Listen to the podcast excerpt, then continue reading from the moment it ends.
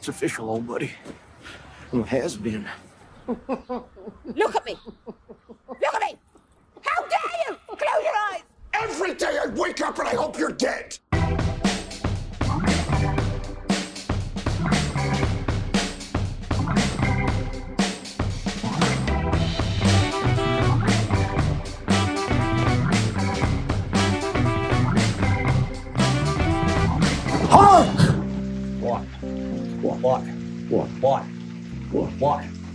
Patryk, krótko. Dobry był ten miniony rok filmowo? Tak czy nie? Nie. I to był najszybszy odcinek w historii transkontynentalnego magazynu filmowego. Co tu gadać o roku, w którym to filmografia światowa zdaje się gdzieś tam wypośrodkowywać bardziej niż nagradzać czy produkować dobre filmy, bo nagradzać to tam nagradza się, ale tak myślałem, powiem ci, do momentu jak nie odświeżyłem sobie jednak tej listy filmów, które obejrzałem i może rzeczywiście teraz produkuje się coraz więcej i procentowo tej jakości jest mniej, ale obejrzałem 35 filmów w zeszłym roku, które weszły do kin w Polsce i znalazła się jednak solidna dziesiątka, warta przypomnienia, bo o kilku już mówiliśmy. Jak ja sobie dzisiaj przejrzałem nasze notatki, czy raczej moje notatki z tych podsumowań 2017 roku i 2018, to ta główna dziesiątka, no piątka, może szóstka, to może nie była taka mocna na przykład jak teraz. To, to jest ciekawe, że, Mm, że ja podsumowuję ten rok zdaniem czy słowem nie. Mówię o ogóle filmów, takich na przykład, jak ty mówisz, 35 obejrzałeś, ja mniej więcej tyle samo. Z tych 35 zbyt mało było wartościowych w stosunku do innych lat, a nie, że na przykład dziesiątka nie jest mocna, bo moim zdaniem też jest mhm. ta moja dziesiątka całkiem niezła. Tylko ten ogon, jakby zrobić na przykład dwudziestkę, to już tutaj byłyby mocne wahania formy w stosunku do poprzednich lat. Tak mi się wydaje, że tak bym to podsumował. Zresztą Oscary, czyli te najbardziej obgadywane, nie wiem, bo to nawet ani wartościowe, ani... No chociaż pewnie na kasę można to przeliczyć, w sensie na box office takiego Parasite'a, który nagle wybuchł w amerykańskich kinach. Gdzie zaczyna się Parasite, tam kończy się TMF, bo nam ten film wybitnie nie podszedł w tym roku. Tak jest. Chociaż mam na jednej liście ten film. Aha, I to wcale nie w najgorszych filmach roku. o proszę. To jakby wracając do mojego wątku, same nominacje Oscarowe właśnie pokazują, że było bardzo niewiele filmów, które były mocno na wysokim poziomie, przynajmniej według Akademii, Mhm. które miały, tak jak kiedyś wspomnieliśmy, rozmawiając o nominacjach, po 10 czy więcej nominacji. Takich filmów były aż 4, więc y, no, rekord w ogóle w historii Oscarów. I to mówi o tym, że może ta sama czołówka była w miarę silna, ale już rozszerzona o dwie, trzy dziesiątki trochę zaniża ten poziom.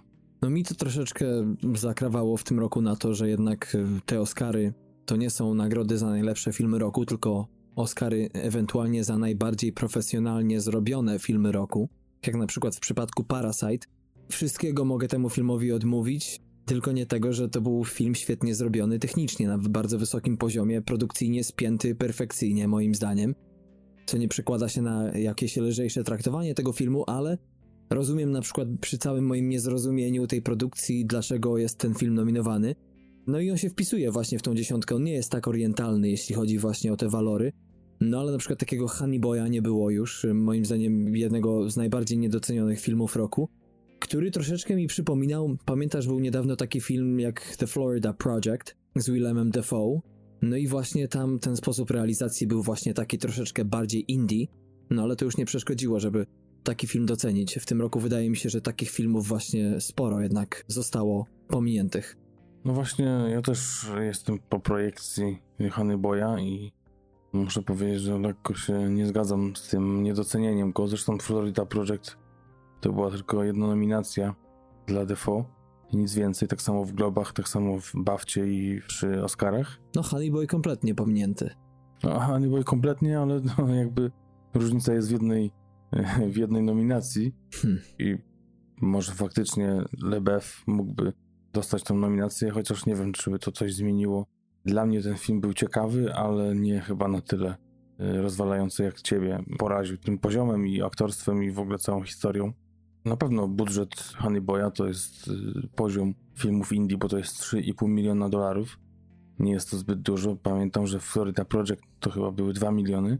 Oba filmy się zwróciły, ale już nie wiem jak to z dystrybucją i, tutaj uznawaniem tego za film indie, bo też nie wiem jaki jest wiesz, wyznacznik tego, czy to styl, czy to mała wytwórnia, ale w jednym z wywiadów u Marka Marona ktoś Mhm. zagajany o to, że właśnie bierze udział, w, brał udział w wielu projektach indie i jak zaczęły być przytaczane różne produkcje, to ta osoba mówiła, ale to było Warner Bros., tutaj było Sony Pictures i, i tak dalej, niby małe filmy, ale jednak z tych dużych produkcji i ona sama jakby odcinała się od tego, że to nie do końca są indie, a przy okazji Florida Project, The Florida Project, mamy do czynienia już z tym takim głównym faworytem teraz, jeśli chodzi o kino indie, czyli właśnie wytwórnią A24, Mhm. która wyrasta na, na naprawdę potentata, jak można to tak nazwać, tych perełek indie.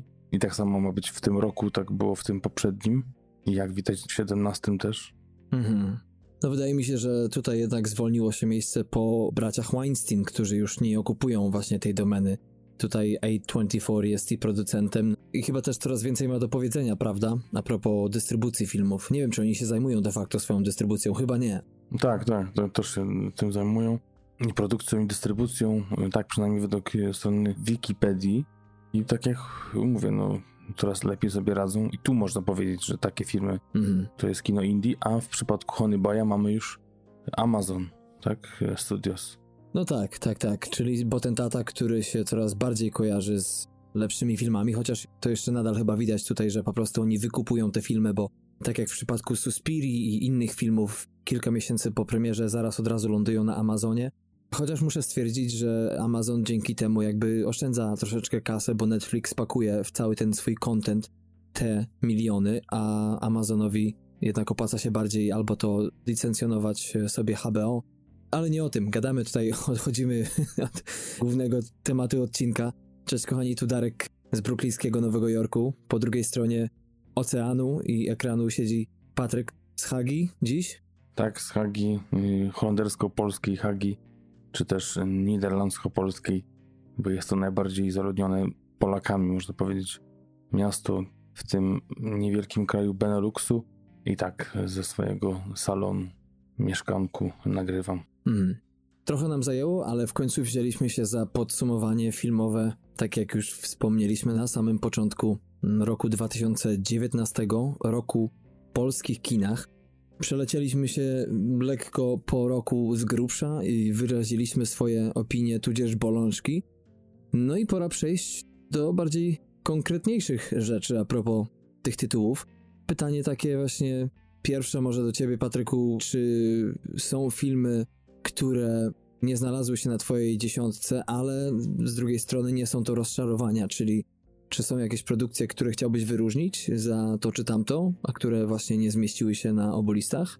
No oczywiście są takie, tak jak mówiłem, obejrzałem ich 30 kilka, a na wyróżnienie moim zdaniem zasługują takie tytuły jak na przykład właśnie wspomniany wcześniej Parasite, bo nie jest to może moje ulubione kino, ale doceniam warsztat, doceniam technikalia, doceniam też w jakiś sposób reżyserię i też to, że wybija się w większości aktorstwo koreańskie ponad przeciętną, taką azjatycką. Oczywiście zupełnie moje subiektywne wrażenie, bo najczęściej przez tą warstwę aktorstwa tak trudno mi się przebić i te emocje, które wyrażają aktorzy właśnie z tego rejonu jakoś do mnie nie przemawiają, nie potrafię wczuć się w historię. y, Ciężko jest zdekodować, nie?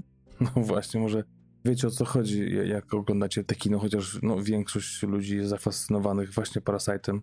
A dla mnie właśnie to aktorstwo jest porządne, scenariusz najbardziej moim zdaniem kuleje, Mhm. a reszta jest na wysokim poziomie dorównującym tym właśnie projektom europejskim i też amerykańskim, które są na wysokim poziomie, standardzie.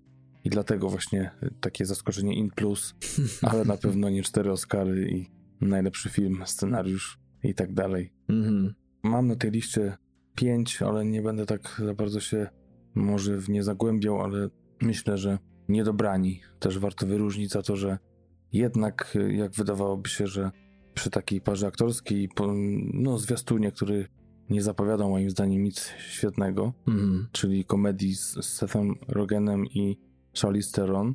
Naprawdę, naprawdę wyszło coś ciekawego, coś lekkiego, coś y, z czasami nawet wyrafinowanym poczuciem humoru, chociaż czasami zupełnie z drugiej strony, ale to jakoś współgrało razem i stworzyło film, który dla mnie jest czymś wyjątkowym w ostatnim czasie, bo bardzo rzadko trafiam na takie produkcje, które po prostu są miłym seansem, może za długo w głowie nie siedzą, ale jest miło wspomnieć, że dwa, trzy razy się człowiek uśmiechnął i może polecić jako coś lekkiego, niezbyt angażującego, bo przy tych naszych tytułach czasami, które polecamy, to ciężko tak po prostu w ciemno komuś polecić, nie, nie obudowując to w to, że musisz być w takim nastroju albo musisz Mm. robić takie kino. To jest taki właśnie samograj taki dla każdego. Ja mam idealny film taki jak ty, tylko na innej liście rozczarowań i nazywa się Green Book, ale to inny kaliber, bo temu akurat filmowi nie mogę darować tego, że otrzymał nagrodę. Dla mnie kompletnie nie był filmem odkrywczym, ale był to całkiem miły, fajny seans na wysokim poziomie, tak, z rytmem jakimś i tyle. Patrzę na moją listę, ja bym wyróżnił może, przelecę się szybko po tych filmach, historię małżeńską, niestety nie zmieściła się na liście 10 najlepszych filmów, no bo to ze względu na to, że w polskim roku jakby tych filmów troszeczkę więcej było, wiesz, Oscarowych z 2018, Mhm. nie, które wychodzą w Polsce zaraz na początku, więc to trochę powypychało kilka tytułów.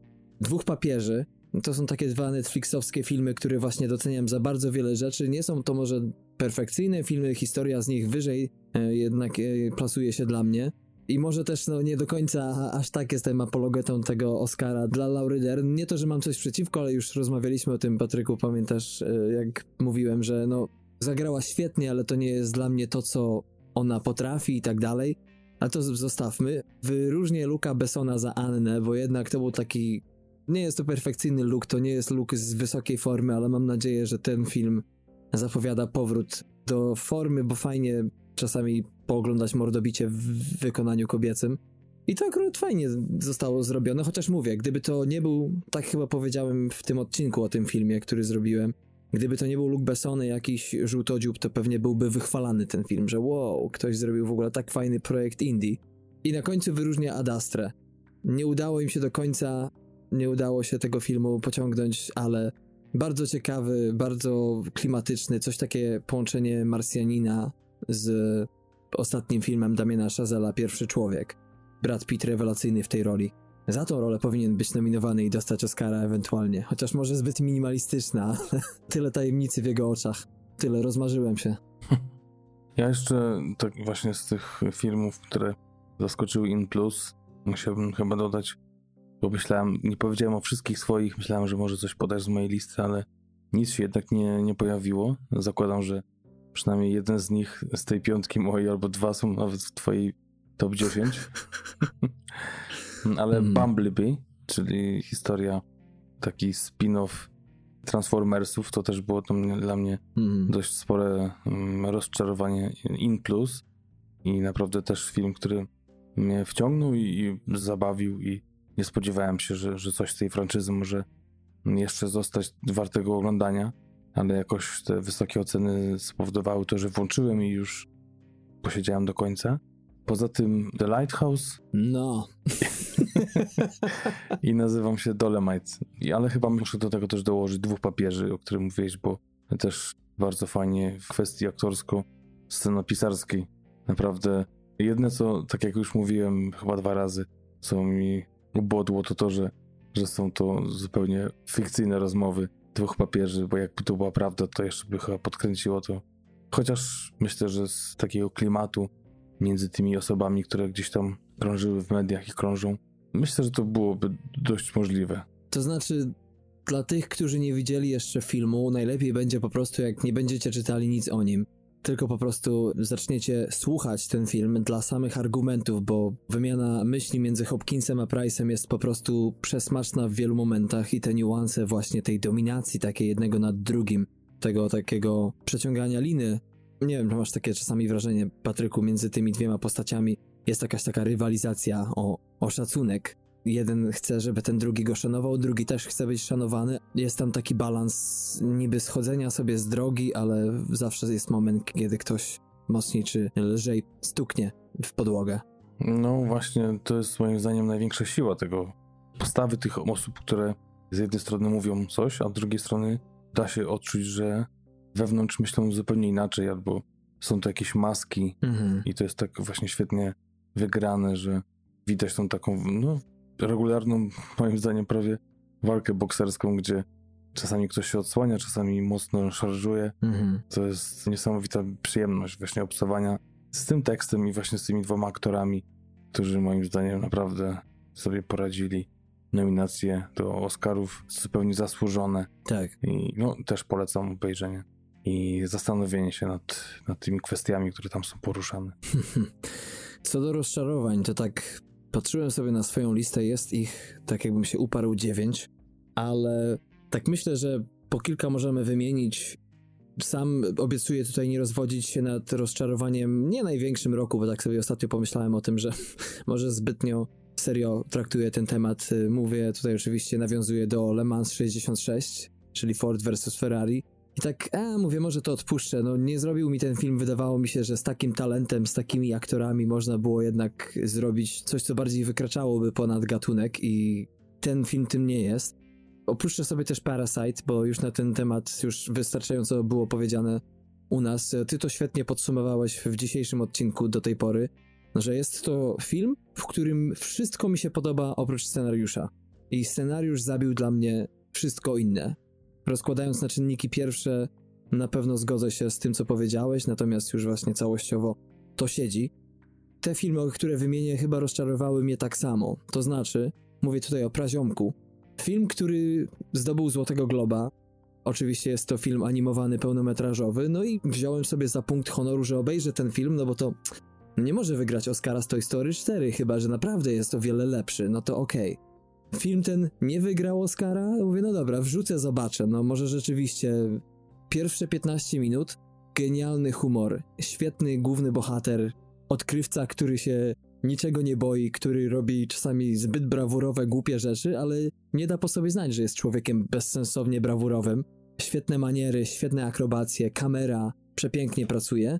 I nagle to wszystko siada. W momencie, kiedy teraz trzeba odszukać to, co trzeba odszukać, nie zdradzając tu za wiele, do tej pory były świetne twisty. Tajemnice, tak jak w filmie na noże, poznajemy bardzo szybko, w sensie cały ten trzon główny tego, na czym się zasadza akcja.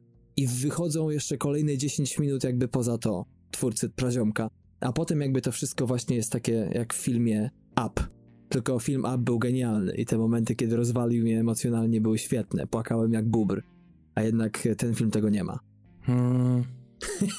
No i co na to powiesz? No właśnie tak naprawdę to nic bym nie powiedział, gdyby nie końcówka tego, czyli przywołanie filmu Up, który totalnie mi się nie podobał.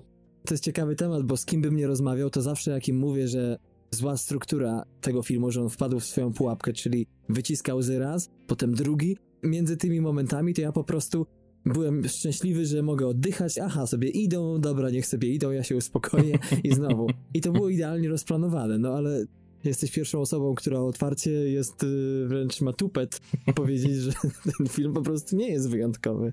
Wiesz co, on był w warstwie wizualnej i w ogóle też pokazywaniu całych tych przygód, pracy kamery bardzo fajnym i takim doznaniem oczogennym. Organoleptycznym. ale Ale, ale sama historia po prostu mnie nie kupiła i ciężko mi wrócić już do tych emocji, tym bardziej, że, że no, zbyt nich we mnie nie wywołał. czyli nie płakałeś? Nie, nie płakałem. Pamiętam tylko to wrażenie, że, że nie rozumiałem i dalej nie rozumiem tego hypu i też tych niesamowicie wysokich ocen tej animacji. Mhm. No dobra, to przejdźmy może na jakiś lżejszy temat. Co ciebie rozczarowało? A, a Praziomek chyba mam podobnie do ciebie, a propos Praziomka. Jeśli chodzi o moje zaskoczenia, in minus to jak już zaczęliśmy, czy zacząłeś ty od animacji, to ja też muszę powiedzieć, może nie film, na który czekałem, czy który chciałem obejrzeć, ale rozczarowałem siebie na wiele lat, bo zrobiłem krzywdę córce. Zabrałem ją na Ugly Dolls jako pierwszy film w jej życiu w kinie i, i był to jeden z najgorszych filmów animowanych, jaki widziałem w życiu. mam nadzieję, że Córka to wyrzuci z pamięci. tak, że wtedy mając 3 lata jeszcze wyrzuci to z pamięci i zaraz to zastąpi czymś innym, na przykład Frozen 2, bo to był drugi film. A nie, przepraszam, na praziomku jeszcze, jeszcze mama była z żoną. Za 20 lat córka wyciąga od ciebie pieniądze, patrzy się na nią krzywo, a ona ugly dolls, tak? tak. Także to jest takie pierwsze rozczarowanie, ale to tak mówię, tylko pobieżnie. Mhm. A miałem duże, ogromne wymagania i oczekiwania co do filmu Tomy. Tak, Jordana to idealnie trafiłeś w moją listę. I jakkolwiek było dużo ciekawych i bardzo pozytywnych rzeczy, jak gra na przykład Lupiti Nyong'o, ale już ten suspens i zakończenie, to Mhm. mm, rozwiązanie akcji i też kilka rozwiązań fabularnych w trakcie filmu kompletnie rozwiały moje nadzieje na to, że będzie coś to genialnego, może przebije nawet Get Out i, i to jest takie moje rozczarowanko. I to Mhm. nie dlatego, że to jest tragiczny film, tylko dlatego, że myślałem, że to będzie coś więcej, a to samo się ma z Królem Lwem, tą wersją aktorską, że tak powiem. Oj tak, to jest dla mnie jeden z dwóch najgorszych filmów roku. Nawet nie miałem go na liście, tak sobie go wyparłem z podświadomości nawet. Ale rzeczywiście, w moim przypadku, tak podsumowując krótko Króla Lwa, nie ma opcji, żeby zadziałało to, że mamy zwierzęta, które mają mimikę ludzką. Jednak w rysunku to jest dozwolone, bo tutaj jest zupełnie inna plastyczność postaci, więc tutaj działa nasza imaginacja kompletnie. Wyobrażając sobie, że to narysowane zwierzę to jest de facto lew, natomiast jak widzisz odtworzonego perfekcyjnie w CGI, w pięknym rynsztunku lwa, czy tygrysa, czy jakąś inną gadzinę, no to tu już wtedy, przynajmniej u mnie, mój mózg przestawia moją optykę na takie tory, kiedy to ja po prostu nie wymagam nic od swojej imaginacji, ponieważ wszystko jest mi podane na talerzu, wszystko jest piękne, wszystko jest tak, jakby to naprawdę się działo. No i w momencie, kiedy widzę nałożenie jednak z powrotem tego, że te zwierzęta mówią, mają jakąś mimikę, generalnie dąsają się tak jak ludzie, strzelają fochy, no to już niestety nie, nie kupuję i niestety nawet John Oliver, którego jestem może niewielkim fanem, ale którego bardzo lubię tutaj jako Zazu, tego nie podratował. Na, widziałem ten film oczywiście w oryginalnym dubbingu i nawet inni znani aktorzy, zwłaszcza Pumba, czyli Seth Rogen.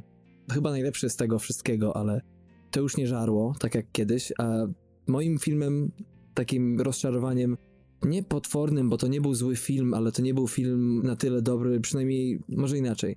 Tyle elementów w tym filmie mogło być lepszych, moim zdaniem, tyle widziałem do poprawy, że to aż ubodło mnie.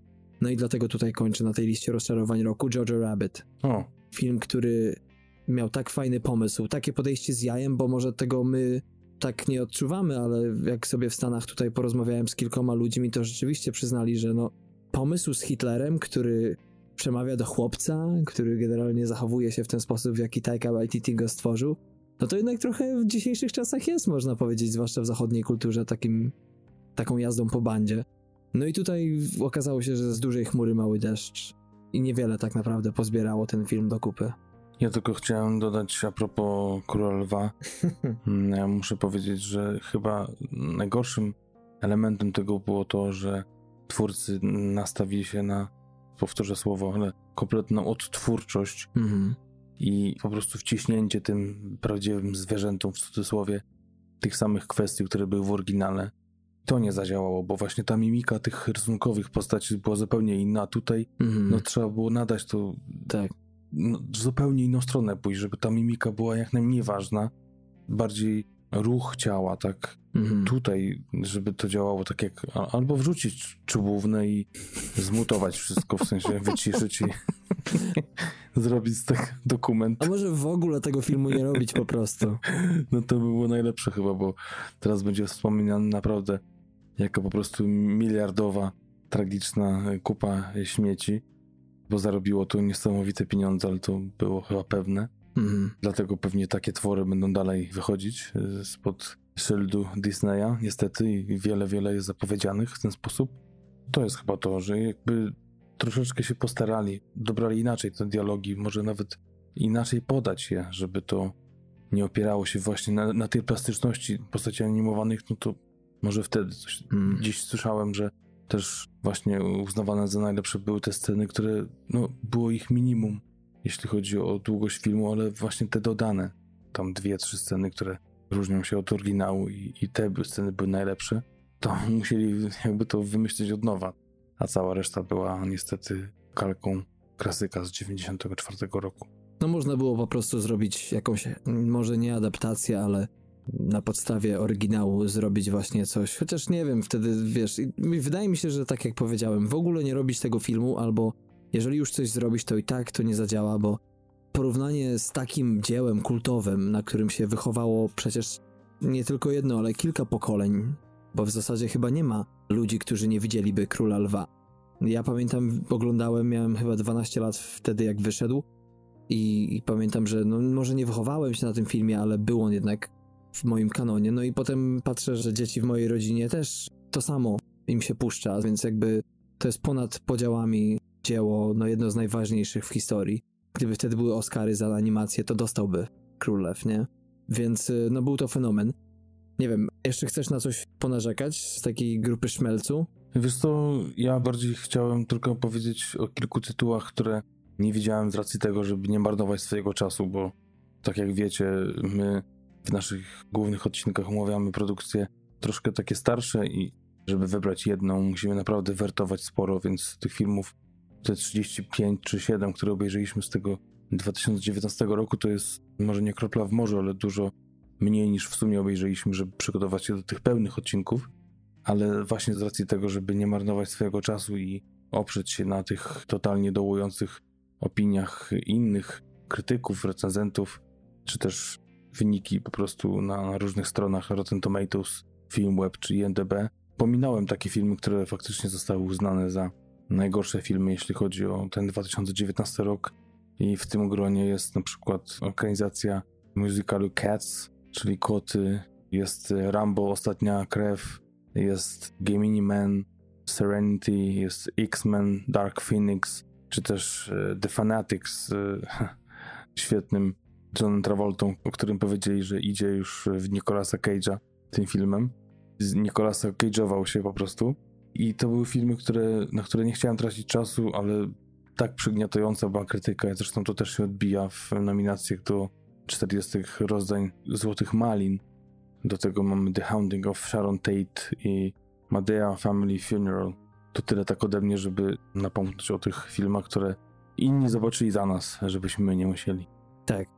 Jeśli chodzi o nominacje do najlepszych filmów, to straszny psikus zrobił mi Netflix, bo Netflix był właścicielem filmu Uncut Gems, który wiem, że tobie nie podszedł zbytnio z Adamem Sandlerem i też chyba nie podszedł tobie z właściwego powodu, bo tak jak czytam recenzje czy rozmawiam z ludźmi, to w zasadzie ten bardzo taki chaotyczny na speedzie film, generalnie takie było zamierzenie, więc to jednak ograniczyło wydaje mi się, powodzenie tego filmu, ale ja bym chciał go wyróżnić, bo do mnie akurat trafił.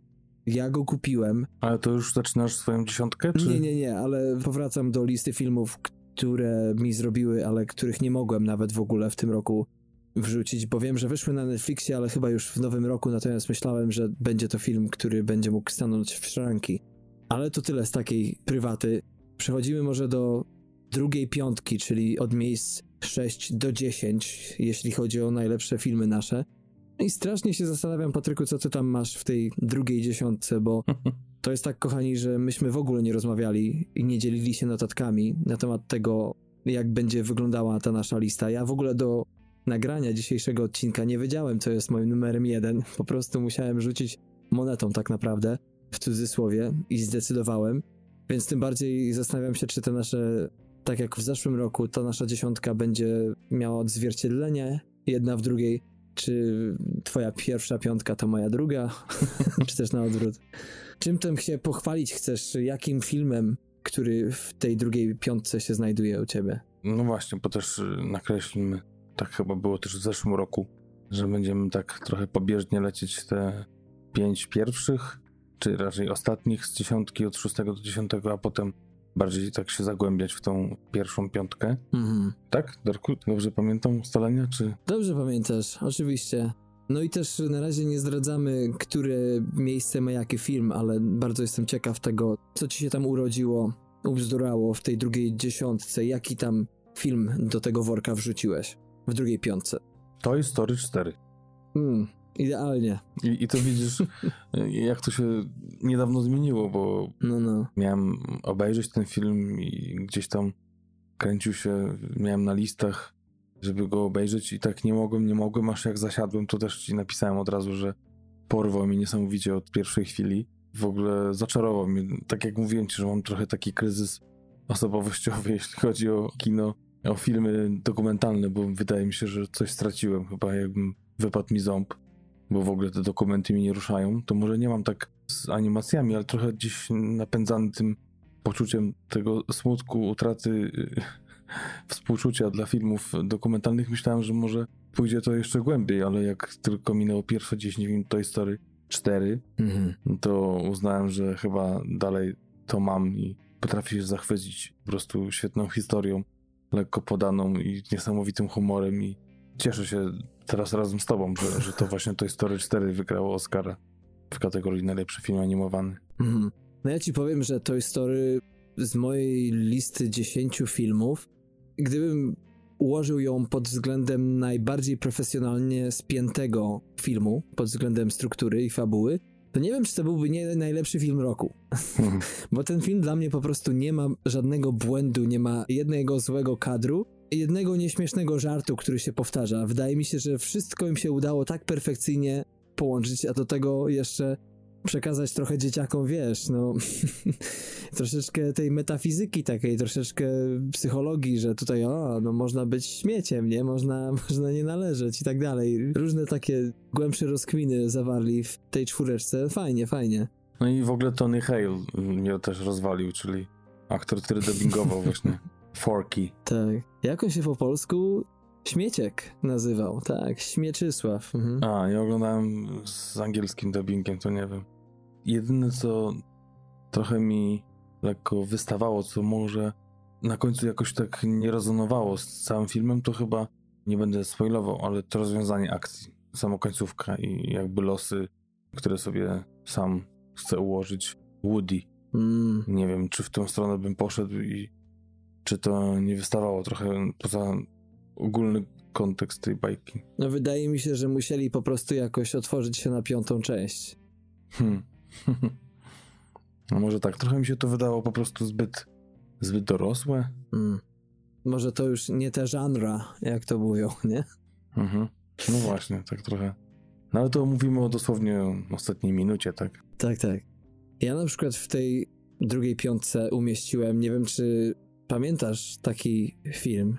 Nie wiem, czy tobie zrobił, ale wydaje mi się, że chyba tobie się akurat nie podobał ten film. Bracia Sisters, komedia western. Wielkiego debiutanta, można powiedzieć, na scenie amerykańskiej, Jacques'a Adiarda.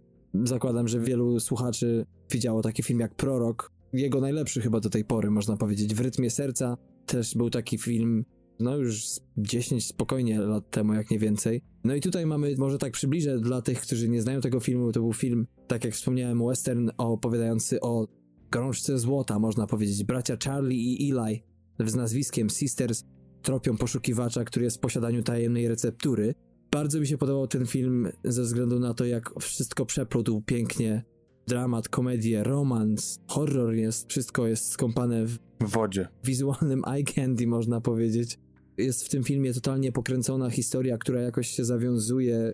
Zapowiada się, powiem ci szczerze, tak jak zacząłem go oglądać z polecenia kolegi, jako prosty film, prosta rozrywka i kompletnie, powiem ci, zbił mnie ten film z pantałyku i co ciekawe, Joaquin Phoenix, który gra jednego z braci, nie wystawał tak w tym filmie jak jego brat filmowy, John C. Reilly, który moim zdaniem tutaj gra mocno na kontrze do swojego amplua. Ma więcej do powiedzenia. No i był jeszcze Jake Gyllenhaal w tym filmie, jako dodatek. No to źle pamiętasz, bo mi się bardzo podobał, tym bardziej jak to zupełnie skręciło na inne tory, gdzieś mniej więcej w połowie filmu, czy trochę wcześniej niż połowa. Mhm. A poczekaj, bo tobie się nie podobał Slow West, tak? Tak, Slow West. Dobra, ja nie, nie gubię się w tym, które westerny się nam podobają, a które nie.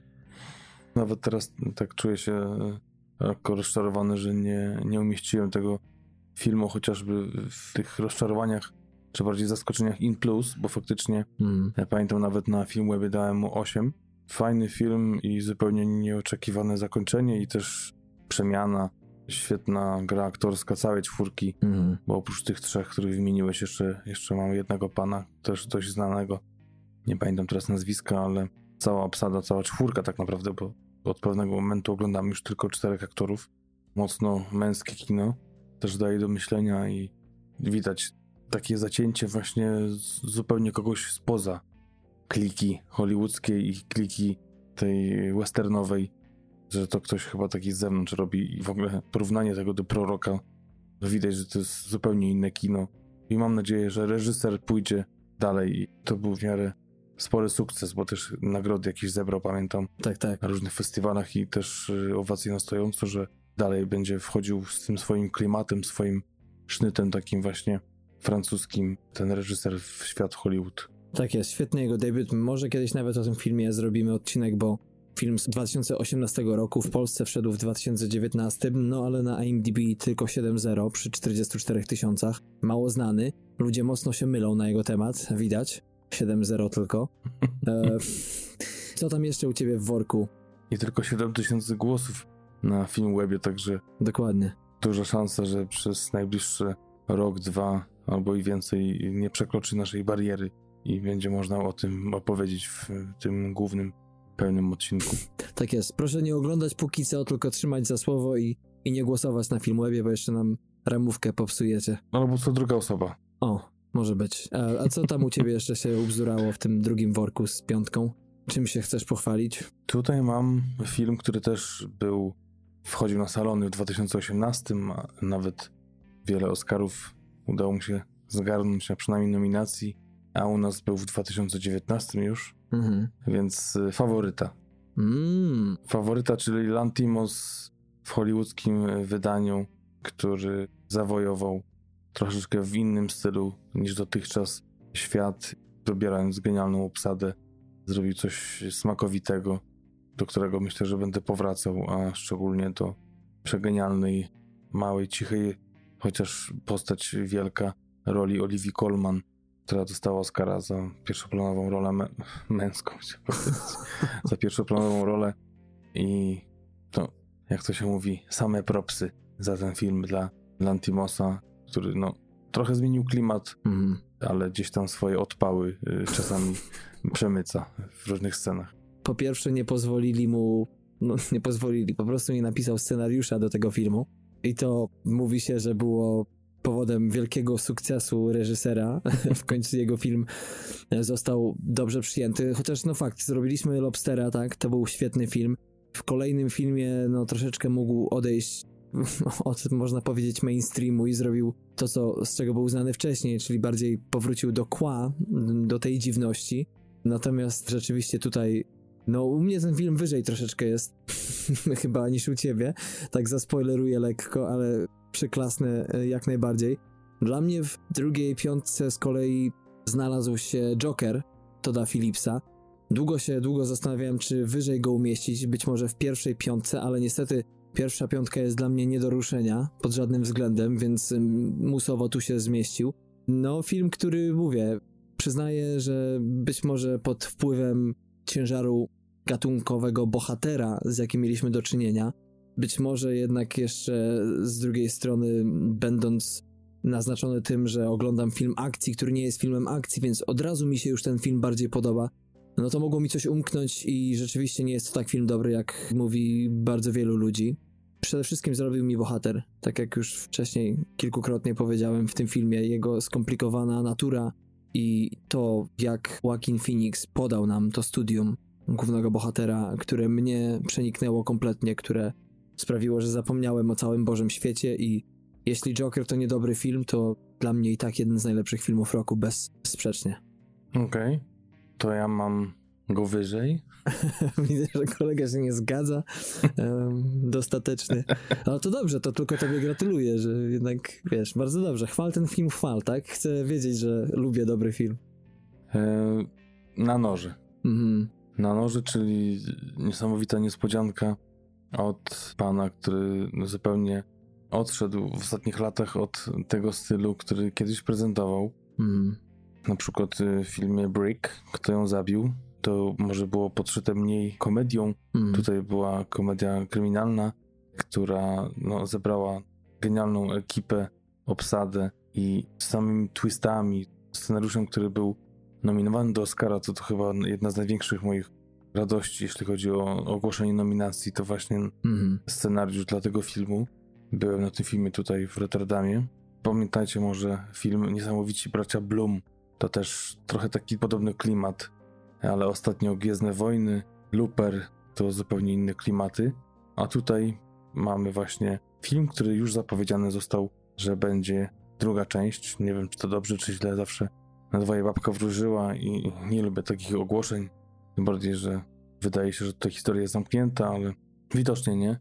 No, cała ekipa na czele z oczywiście Jamesem Bondem, z Kapitanem Ameryką, czy też z gwiazdą horrorów w ostatnim czasie, z gwiazdą Miami Vice i nieśmiertelnym Plamerem. Cały ten miks zblendowany, wyciśnięty przez tubkę naprawdę smakuje wyśmienicie i polecam też jako niesamowita rozrywka, która się po prostu udała i, i tyle. Nie możesz się nachwalić normalnie tego filmu. Nie mogę. E, Ja też go mam tutaj na tej liście akurat, też się zgadzamy. Nie będę kopiował, więcej nic powiedzieć nie jestem w stanie. Osierocony Brooklyn to jest film, który zamyka pięć filmów, które mam tutaj na tej liście Edwarda Nortona. Też już wystarczająco powiedziałem, powiedzieliśmy chyba już na ten temat tego filmu. No ale wydaje mi się, że po prostu jest to, nawet jeżeli lżejsze gatunkowe kino, to jest to tak dobrze zrobione. Jest to jeden z filmów, nad którymi po prostu ja pochylam się i skrobię się w czoło, nie rozumiejąc dlaczego ten film po prostu był tak negatywnie przyjęty przez krytykę, tak y, zjechany. Nie rozumiem tego, jak mogłem się zachwycić tym, jak sprawnie, jak fajnie jest wszystko to podane, wyaktorzone i tak dalej. Potrafi być lekko nuarowe, lżejsze, ale też ma bardziej solidniejsze kąski. Sporo w tym filmie jest mądrości, psychologii, jeśli chodzi o głównego bohatera. Tak czy siak muszę ten film wyróżnić i no jest u mnie wysoko na liście. No to nie wiem, czy to chyba jeszcze jeden film u mnie został, ale tutaj czwarty film z mojej listy. Właśnie zahaczyłeś przed chwilą, też go mam. Też mi się bardzo podobał Osierocony Brooklyn i nie rozumiem, tak jak ty, tego, może nie tyle pominięcia w nagrodach, bo to może nie jest aż takie ważne, ale tego, że jednak trochę był zbesztanny i trochę moim zdaniem też niezrozumiany. Ja też niesamowicie przeżyłem ten seans, wciągnął mnie od początku. No, wypomnę ci tam. No właśnie, właśnie chcę powiedzieć, że może nie od samego, ale, E, ale bardzo blisko początku, y, jak zaczęło się gęsto, to, to już potem nie trzymało i, i podziwiam Nortona za to, że dał radę taki film zrobić. Mam nadzieję, że po jakimś czasie y, jednak krytycy spojrzą łagodniejszym okiem i gdzieś tam zostanę przyjęty. Chociaż to nie jest jego debiut, No nie, nie. ale jego no, taki prawdziwy debiut, taki mocny, który gdzieś tam rozpocznie jego karierę reżyserską, bo facet głupi nie jest. Myślę, że, że w tym obszarze też się odnajdzie, tak jak w aktorstwie, tak i tutaj. Tak jest, no po prostu czasami może zbytnio wierzy w swoje umiejętności i nie boi się o tym powiedzieć. I to mu niekoniecznie przysparza popularności. A ostatni numer 5 film w tym woreczku, to co to jest? A ostatnim filmem u mnie w tej drugiej piątce najlepszych filmów roku to Złodziejaszki, czyli film Hirokazu Koridy, który też był, miał premierę w 2018, ale w Polsce wszedł dopiero do kin 22 marca 2019 roku. I to był film, który był również nominowany do Oscara. I a propos takiej animozji moich do kina azjatyckiego, to właśnie w tym 2019 roku Japonia zapukała do mojego serduszka i wiem, że na kontrze do ciebie, do twojego zdania o tym filmie, które może wykorzystamy w przyszłości. Niesamowicie do mnie przemówiła ta historia rodziny, która przygarnia niechciane dziecko. No, niechciane to się tam okazuje później. Zresztą jest bardzo fajny twist na końcu. Szkoda, Darku, że nie wytrwałeś do końca tego filmu. I w ogóle y, całe te losy y, rodziny takich właśnie drobnych złodziejaszków, właśnie rodziny bezrobotnych, która jednak pała do siebie miłością i mając dość skomplikowane relacje między sobą i nieoczywiste powiązania, trzyma się razem i ta właśnie siła miłości ludzi, którzy po prostu chcą o siebie dbać, podążałem za nią, ściskając za nich kciuki aż do końca. Polecam, chociaż to już zamierzchłe czasy, bo prawie rok będzie od premiery trochę jak przez mgłę go pamiętam, ale jednak te uczucia takie ciepła we mnie dalej siedzą i tak sobie myślę, że może czas na odświeżenie już tego filmu. No ładnie. No ja obiecuję, że wezmę jeszcze raz na tapet i ten film. Może zrobię sobie po prostu taką fajniejszą posiadówkę i puszczę jeden po drugim Złodziejaszków i Parasite, bo to tematycznie przecież się łączy. Też kraje ze sobą prawie, że sąsiadujące, więc póki co tak, y, Złodziejaszki na nie, ale może to nie był wieczór akurat na to kino u mnie. Zazwyczaj laboratoryjnie to u mnie się odbywa dość inaczej, czyli jest to zawsze poranna pora, kiedy oglądam filmy, co do których chcę mieć trzeźwą głowę. A tu akurat może rzeczywiście zmęczenie dało sobie znać. Także podsumowując tą drugą listę, u mnie numer 10 to Toy Story 4. U mnie numer 10 to Osierocony Brooklyn. Hmm, how dare you. numer 9 na noże. Numer 9 y, Złodziejaszki. Hmm, no, może być, chociaż nadal na liście. Numer 8 Joker. Y, Faworyta u mnie Numer 7 Osierocony Brooklyn. Toy Story 4 na siódmym, Na szóstym u mnie Bracia Sisters. a u mnie komedia na noże. No. No to troszeczkę nam się odwróciło, ale w zasadzie mała to różnica. Tym bardziej, że tak jak powiedziałem ci, miałem bardzo trudny wybór, jeśli chodzi o najlepszy film roku. Dosłownie do ostatniego momentu decydowałem między trzema filmami. No i tak przechodzimy do dłuższej pogawędki właśnie na temat filmów, które w tym roku nam najbardziej zrobiły. I Patryku, tutaj zrobimy sobie już od pięciu standardowo do numeru jeden. Patryku, co u ciebie się znalazło na numerze piątym i dlaczego? I dlaczego nie coś innego? Właśnie też, to też ciekawe a propos tych dwóch piątek, że piątka z szóstką mi się w ostatnim momencie też wymieniły, więc na noże mogło tu być, ale jednak pomyślałem, że walory estetyczne, Mhm. wizualne tutaj przeważyły, bo scenariuszowo było podobnie, chociaż zupełnie inny klimat. Niesamowita wirtuazeria, jeśli chodzi o niedopowiedzenia, o półspojrzenia, o półgesty, taki klimat tajemniczości, dwuznaczności i takiego romantyzmu unoszącego się gdzieś ponad historią, która e, po prostu zwaliła mnie z nóg, ale nie tak jak czwórka wyżej, bo tutaj bardziej mnie e, zachwyciła relacja dwóch osób niż cały może film. U mnie na piątym miejscu jest Portret kobiety w ogniu. Mm. No, film, który można powiedzieć w ostatnim momencie pojawił się u mnie i też jest na liście, bo przełożyliśmy o jeden dzień, czy dwa nawet, nagrywanie dzisiejszego odcinka, bo akurat teraz Portret Kobiety w Ogniu jest grany w Stanach i mówię, no nie mogę sobie odpuścić tego filmu. Nie może być tak, że film, który ma naprawdę wysokie ratingi i oczywiście przecież nawet zdobył i Złotą Palmę i tytuł najlepszego europejskiego filmu roku i też mnóstwo nagród różnych gildii amerykańskich zdobył głównie za zdjęcia. Stwierdziłem, że ten tytuł chyba wyląduje na dziesiątce, ma duże szanse przynajmniej z no, tego czasami zwodnego wrażenia, mm, jakie wywoływało u mnie czytanie krytyki. No i Celine Sciamma, Sciamma, jakkolwiek autorka już e, wcześniej mocno docenionego filmu przeze mnie, nazywam się Cukinia z 2016 roku, którym strzeliłem sobie w stopę, bo gdybym nie zrobił tego filmu, nie zrecenzował go, to moglibyśmy zrobić e, go w pełnym odcinku, bo animacji nadal szukamy. Tutaj jest takie francuskie non-mainstreamowe odchylenie tego filmu. No i Chłopczyca z 2011 roku, Patryku, też chyba kiedyś rozmawialiśmy być może, żeby zrobić ten film, przyjrzeć się mu. A propos właśnie naz- nazywam się Cukinia, tutaj mamy panią Siamę jako tylko czy aż, ale jednak autorkę scenariusza Mhm. na podstawie noweli Gillesa Paris, więc no, nie była to pozycja, która ma odniesienie do jej resume, jeśli chodzi o reżyserię, Mhm. ale faktycznie ostatnio też kilka osób mi polecało ten film, przecież to już dawno, jak ty o tym mówiłeś i też zachwycałeś się tą animacją. Mhm. Muszę się przyznać, że dalej tego filmu nie obejrzałem. No, zakładam, że w ciemno uważasz, że mi się spodoba, dlatego mówisz o tym pełnym odcinku. Tym bardziej, że się i tak nie wydarzy, bo już poszło, ale muszę go w końcu obejrzeć, to fakt. Tak, e, wracając do Kobiety w ogniu, to rzeczywiście jest to piękny film, aż naprawdę można odczuć namacalnie samą przyjemność z patrzenia, z obcowania z bohaterkami i to jak się zawiązują więzi między nimi, jak się zmienia ich relacja, jak rodzi się uczucie, ból, przyjaźń. Dla mnie jednym z fajniejszych elementów w tym filmie była ilość sztuki, którą reżyserka zawarła w tym filmie, bo od pejzaży po malarstwo i muzykę, w tym niesamowita końcowa scena, no cały film jest po prostu podszyty taką atmosferą piękna. Mamy tutaj miejsce na uboczu. Sztuką są też moim zdaniem bohaterki, bo widzimy je tak, jakby było to studium ich i często poprzez ich zewnętrzną naturę mamy dostęp do ich wnętrza, ma się wrażenie, czyli tak jakbyśmy patrzyli na obraz, w którym coś się kryje głębiej.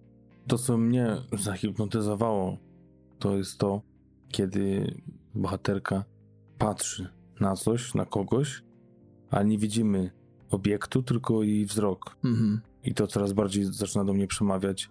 I tak wiem, że nigdy filmu nie zrobię, ale czasami sobie notuję takie rzeczy, które chciałbym zawrzeć kiedyś w jakimś swoim filmie. I właśnie tak genialnie operować takimi scenami, kiedy po reakcji, no, zobaczenie czegoś drastycznego, pięknego, niesamowitego, innego, dziwnego, nie widzimy tej samej rzeczy czy tej czynności, tylko samą tą reakcję i tutaj musimy na tym oprzeć nasze wrażenie tego i czasami miałem wrażenie, że po prostu coś widzę. Mhm. Mniej więcej było nakreślone, co to może być, więc gdzieś tam można było z tą fantazją czy, czy wyobrażeniem już się kierować Mhm. w stronę wyjścia, czyli do celu, ale jednak to wszystko zawierało się właśnie w tym spojrzeniu, w tej czasami gestykulacji, mimice, minimalnym ruchom twarzy i to mnie tak fascynowało.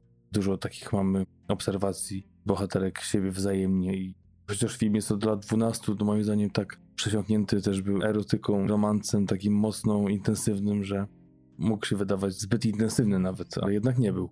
To znaczy, wiesz, z jednej strony nie jest on mocny, a z drugiej strony jest z tego względu, że jednak no, ten wzrok głównych bohaterek często właśnie względem siebie, on jest mocno bezpośrednim, konfrontacyjnym i to przenosi się na widza, bo tak mi się wydaje, że ile razy człowiek w życiu ma możliwość takiego patrzenia na drugą osobę. Bardzo rzadko, najczęściej tak jak to jedna z bohaterek mówi, że pewne rzeczy dzieją się właśnie wtedy, kiedy po raz pierwszy się zakochujemy.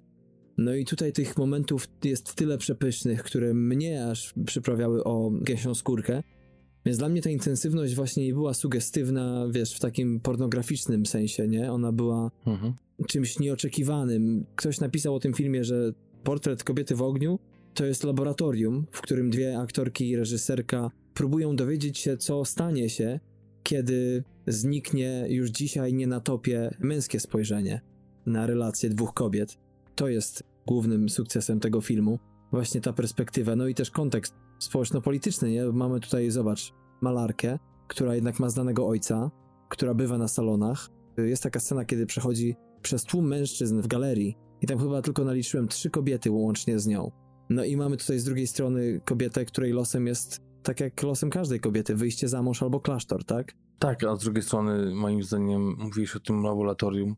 Tutaj też jest laboratorium właśnie tych spojrzeń, bo mamy takie, można powiedzieć, kobiety lekko, nawet nie lekko, tylko odizolowane od społeczeństwa, od tłumów, tak? Gdzie ten wzrok e, raz mógłby wydać się dziwny, podejrzany przez osoby, które mogłyby z zewnątrz na to zerkać, więc mógłby pojawić się wstyd, a z drugiej strony ta intensywność powoduje to, że mamy różne spektrum tych uczuć, które tragają bohaterkami, które widać w tym właśnie wspomnianym przeze mnie laboratorium.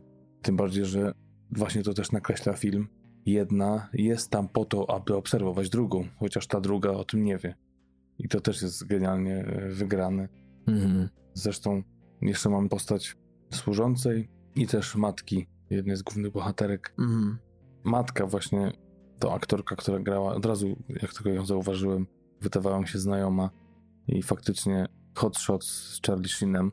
To taka niespodzianka, jeśli chodzi o drugi plan, która też dodawała smaczku, też kobieta, która, no można powiedzieć, ma już swoje lata, jest kobietą po 50, a jednak dalej utrzymuje urodę i też formę i nie trudno można było w niej, czyli w Valerii Golino, odkryć tą właśnie aktorkę z przeboju z roku 1990. No tak. U mnie numer 5 to The Lighthouse. Roberta Eggersa, który wypłynął na szersze wody czarownicą. Lighthouse, czyli historia dwóch strażników latarni morskiej, którzy no w obliczu odosobnienia no i samotności wśród ludzi, można powiedzieć, też tracą powoli zdrowie psychiczne. Coraz częściej bywają opętani swoimi własnymi koszmarami. Film wyróżniony w Cannes, nie za wiele nominacji do Oscara, jedna za zdjęcia. Zrobiłem o tym, już nie pamiętam, bonus bodajże, o ile dobrze pamiętam. Tak, tak. To, co mi zrobiło w tym filmie, raz, że styl noir, opowieści z dawien dawna, dwa, film mocno teatralny, a ja bardzo lubię, nie dość, że raz minimalistyczne kino, czarno-białe w szczególności, dwa, uwielbiam teatr minimalistyczny, no to tutaj wydawało mi się, że rzeczywiście to jest po prostu perełka dla kogoś, kto parał się w tym ze względu na Willema Defoe'a i Roberta Pattisona, którzy tutaj odstawiają niesamowity popis. Jest to film bardzo wybijający się stylistycznie na tle innych i wydaje mi się, że też bardzo, bardzo głębokim, jeśli chodzi właśnie o tematy ludzkiego cierpienia, szaleństwa. Jest tu troszeczkę magii, jest to film o byciu uwięzionym nie tylko na wyspie, nie tylko ze sobą, ale też i w samym sobie. Takiego kina jest mało w Stanach, w ogóle jest ono mało doceniane i to takie mocno moje subiektywne odczucie, żeby takich produkcji ambitnych pojawiało się coraz częściej, bo fajnie nawiązują też do szkoły kina, która już no, wyczerpała się z Hitchcockiem czy z Bergmanem. Rzadko natrafiamy na takie perełki wyjątkowe. Mm, ja nie powiem, że mi się ten film nie podobał, zresztą chyba nie powiedziałem o tym, czy już teraz nie pamiętam, bo to już... Mi na pewno powiedziałeś, także może podzielisz się teraz. nie, nie. Bardziej mówię o, o dzisiejszym odcinku, że to było w takich moich zaskoczeniach in plus. Mhm. Gdzieś tam nie potrafiłem chyba się odnaleźć do końca w tej relacji, ale na pewno doceniam kreacje aktorskie, na pewno ten klimat taki klaustrofobiczny, popadania w coraz to większą obsesję i też rywalizację typową taką męską, kto ma większego w cudzysłowie. To też w dużej mierze się na tym opierało i potrafię to docenić, chociaż jakiś pierwiastek magiczny może mi umknął i wiem, że wielu krytyków to nie tylko twoja osoba, która wychwala ten film, ale też taki chyba najbardziej znany Stackman z YouTube'a, amerykański vloger, umieścił też ten film na pierwszym miejscu w swoim podsumowaniu, więc y, rozumiem twój zachwyt, bo to też nie jest nic wybiorczego, jeśli chodzi o, o krytykę. No ale jakoś, nie wiem, może to jest kolejny z tych filmów, które trzeba obejrzeć drugi raz. no może, a może po prostu mamy te swoje alejki takie, gdzie nie wiemy dlaczego coś nam robi, po prostu nam robi. I to nie znaczy, że jeżeli tobie nie zrobił, to że jest to B, bo jest tyle stylów, tyle różnych reżyserów, że no trudno, nie? Uczymy się też, rozwijamy swoje te optyki spojrzenia na rzeczywistość filmową, bo to trochę tak ten nasz niepisany, amatorsko wykonywany zawód nas do tego jakby niejako, no nie zmusza, ale na pewno dobrze jest rozumieć swój gust i trenować to swoje spostrzeżenie. Numer cztery u ciebie, to z kolei jakie dzieło? Todd Phillips mm. i Joker. Joker, czyli film, który pozostawił we mnie wielkie spustoszenie i kazał mi siedzieć na sali kinowej przez długie jeszcze minuty po ostatniej scenie. Rozwalił mnie niesamowicie. To był pierwszy film, który widziałem tutaj w Holandii. Mm. I kreacja Joaquina po prostu mind-blowing. Po prostu Oscarowa.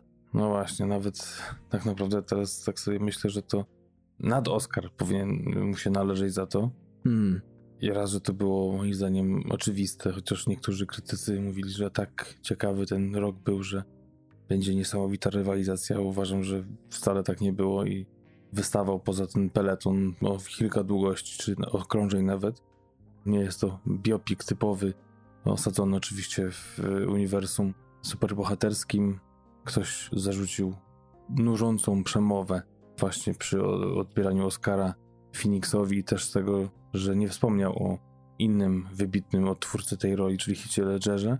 Nie wiem, jest to taki trochę indywidualista, więc wcale nie dziwię się, że, że o tym nie powiedział, może nawet e, specjalnie, chociaż lekko faktycznie tą swoją przemowę miał chaotyczną i trochę chciał kilka srok za ogon złapać i chyba nie do końca mu to wyszło. Mhm. Ale jednak wydaje mi się, że niektóre sceny konstruowane, jak na przykład scena przekomiczna wizyty dwóch kolegów w mieszkaniu Jokera, czy też e, scena z lodówką, scena tańca, choreografię, w studiu, w którym Joker występował w programie telewizyjnym. Jest kilka takich scen i też ostatnia scena, które nie tylko pokazują właśnie ten kunszt samego aktora, ale realizatorski też zacięcie na bardzo wysokim poziomie Toda Phillipsa, plus zdjęcia, plus przegenialna muzyka, która oczywiście dostała Oscara. Pani, której nazwiska no, nie powinno się zapomnieć, tak jak ja to zrobiłem teraz, ale już sobie szybko odświeżam. Hildur Gudnadottir, oczywiście Islandka, nasza rówieśniczka Darku, Mm. pani, która swój kunszt pokazała już też przy okazji serialu, czyli Czarnobyl, za który dostała też wiele nagród.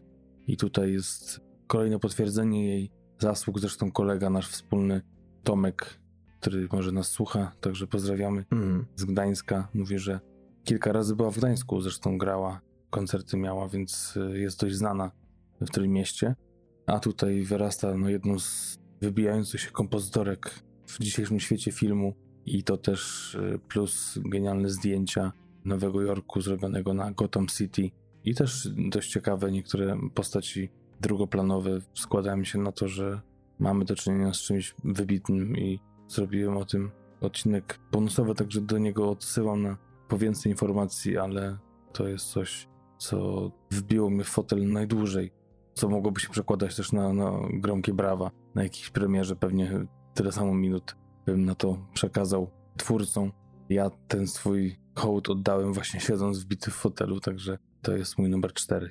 A u ciebie? Numer 4 u mnie to coś, co u ciebie podejrzewam, że jest o wiele wyżej, czyli pewnego razu w Hollywood. Widzę po minie już twojej, że coś tam się kręci, więc może przejdę do numeru 3 i jak zatrzymamy się przy pewnego razu, to wtedy dołożę kilka swoich groszy. Numer 3 u mnie to film, o którym już dzisiaj wspomnieliśmy. Ty go masz troszeczkę niżej. Ja go mam tutaj na trzecim miejscu, czyli Portret kobiety w ogniu. No i tylko dodam tyle, że tak patrzę na swoje pierwsze trzy filmy, no to panie rządzą u mnie w tym roku. Tak się zdarzyło właśnie, że w pierwszej trójce są dwa filmy, które może nie do końca w przypadku tego innego, ale akurat tutaj, jeżeli nie grają pierwszych skrzypiec aktorsko, to tutaj jest, można powiedzieć, i reżyseria, i scenariusz, i kreacje. Pojawia się w portrecie kobiety w ogniu jeden facet. I to aż szokowało mnie, że, że rzeczywiście, w sensie, no więcej jest oczywiście tam pobocznych bohaterów, ale nagle patrzę, mężczyzna w domu? Won! Zupę na ganku dokończyć, nie? Co jest u ciebie numerem trzecim? U mnie jest chyba to, czego ty chyba w ogóle nie będziesz miał, U, bo to chyba tak się zbliża do tego miejsca, że, że tego nie będzie. Irlandczyk Martina Scorsese. Nie, u mnie był na lekkiej liście rozczarowań. Ciekawy film, ale rozczarowało mnie, że nie aż niesamowity, wybitny, aż tak. Więc nie uwzględniałem go akurat w tym roku. Na żadnej. No ja go mam na numerze trzecim. Film, który spokojnie mógł być tasiemcowym miniserialem. Prawie 3,5 godziny. Trailer 50 minut. Tak. Mm, Moim zdaniem niesamowita epopeja. Świetnie mi się to oglądało. Zupełnie wypoczętym. Obejrzałem go praktycznie na raz. Gdzieś tam chyba ostatnie 10 minut, to musiałem wyjść na chwilę, bo oglądałem to nie w kinie, tylko na Netflixie, ale już na dużym ekranie, także nie gdzieś na smartfonie, bo tego się bał Scorsese i zresztą sam mówił, żebyście tylko nie oglądali tego filmu na tabletach czy telefonach. No ale tak to pewnie się zdarza, bo jak to ktoś ostatnio powiedział, że tu pewnie reżyserzy by tego nie chcieli, ile- razy w toaletach się po prostu w wolnej chwili ogląda. Chociaż z drugiej strony powiem ci, przyłapałem siebie samego na tym, że z racji mojego położenia w danym miejscu miałem zbyt wiele czasu, dwie godziny bite, ale nie mogłem obejrzeć nic na większym monitorze. Pocisnąłem film z mojego Androida i powiem ci szczerze, że no nie wiem, oni są chyba troszeczkę ci reżyserzy tacy przewrażliwieni na punkcie tego, że ale to ty musisz to wszystko tak wchłonąć, to najlepiej to w ogóle iść do IMAXa, nie? Tak, tak, tak, tak. No. Ale wydaje mi się, że kompletnie się zgubiłem w historii, że tutaj jakby nie wiem. No wiesz, to tak samo jak było z Romą. Też on też to robi przecież na niesamowitym poziomie technicznym. Też mówił o tym, że najlepiej wybrać się do sali, gdzie jest najlepszy dźwięk, y, najlepszy ekran, najlepiej w IMAXie i w ogóle, a przecież robi to dla Netflixa, czy bardziej pod Netflixa, więc był świadom tego, że tak to się zakończy, że, ludzie będą oglądali to na laptopach czy też telefonach. ale też podkreślał, że, że to jednak robione jest w ten najlepszy możliwy sposób. Ostatnio przeczytałem taki artykuł a propos Ala Pacino i jeden właśnie z recenzentów amerykańskich w świetnym, ale też i mocno kategorycznym stylu opisał aktorstwo Pacino w tym filmie właśnie jako takie szpanowanie, z którego Al Pacino podobno jest znany, podobno jest on całkiem ciężki we współpracy i tak dalej i tak wrzuciłem sobie kilka tych dobrych minut Pacino w tym filmie. To był jeden z takich minusów tego filmu, czasami dziwnie mi się robiło właśnie w tych scenach, chociaż było kilka przepięknych, jak ta ich rozmowa na przykład w hotelu, która moim zdaniem ci panowie będą mogli sobie ją na taką półeczkę filmową położyć, bo wydaje mi się, że przejdzie do klasyki. Szkoda mi trochę Roberta De Niro, który może nie gra tutaj rewelacyjnie jednak to CGI troszeczkę go odmłodziło w dziwny sposób, ale słuchaj, facet to dzieło może sobie również właśnie na tą półeczkę włożyć, bo tak, jest i narratorem, i gra siebie wcześniej, i gra siebie teraz. Głównym bohaterem tak naprawdę jest filmu. Nie został wyróżniony przez Akademię nominacją, ale sprawdził się moim zdaniem. Wykonał naprawdę solidną robotę. Może, może nie porwała mnie, ale. No właśnie, ja to tak odebrałem po samej projekcji filmu, że to jest taki defensywny pomocnik, który odpowiada za grę zespołu. Trochę taki rozgrywający, który jest lekko w cieniu. Nie ma tego ostatniego podania nawet, tylko gdzieś tam pracuje, żeby przeciwnik się nie przedostał na pole karne i też, żeby ta piłka była na tak, jak to mówił klasyk i wszystko było oparte na ciągu na bramkę, mhm. a przez to przy nim właśnie świecą te gwiazdy i, i Pesciego, i Pacino, i też Cannavale, i nie, nie tylko ich, bo i Ray Romano, i też kilku jeszcze innych aktorów, więc moim zdaniem on jest takim właśnie podkładem pod te świetne sceny z tą resztą wymienionych przeze mnie świetnych aktorów i sam siebie wycofuje jakby i przez to może nie został doceniony. Wiadomo, że te CGI, no to nie jest jego wina. A chociaż z drugiej strony pewnie jakiś tam wspólny plan ze Scorsese, przecież też był producentem filmu, więc zakładam, że takie decyzje podejmowali razem, że jednak będzie to w ten sposób robione, a nie z użyciem młodszych aktorów, którzy będą się wcielali w ich rolę. Może i sobie sam strzelił w kolano, nie wiem. Ale fakt faktem, że te CGI nie pomogło. Jest to dość pionierskie rozwiązanie, jak wiemy, z użyciem wielu kamer. Zresztą też w odcinku bonusowym o właśnie Irlandczyku opowiadałem o tym, jak to było realizowane. Ale mnie porwała. Mnie porwała ta historia, mnie porwał mm-hmm. styl, tempo powolne, to wybrzmiewanie każdej sceny, każdego słowa, to szarżowanie Pacino dla mnie to właśnie był w całej okazałości cały Pacino z na przykład Zapachu Kobiety, czy Adwokata Diabła, czy innych swoich genialnych ról. Mhm. I ja na takiego Pacino czekałem i jakby to mi nie przeszkadzało. Na kontrze zupełnie do, do swoich innych ról był Pesci. Na to nie czekałem, ale to mnie też niesamowicie zrobiło. To zupełnie inna stylistyka, to zupełnie inne podejście do roli. Zresztą no taki był, no też nie będę za bardzo wchodził w ten swój bonusowy odcinek, ale Pesci chciał zagrać takiego szybszego, żwawszego bohatera, ale jednak zdecydowali się, że zagra na kontrze i, i moim zdaniem wyszło to świetnie.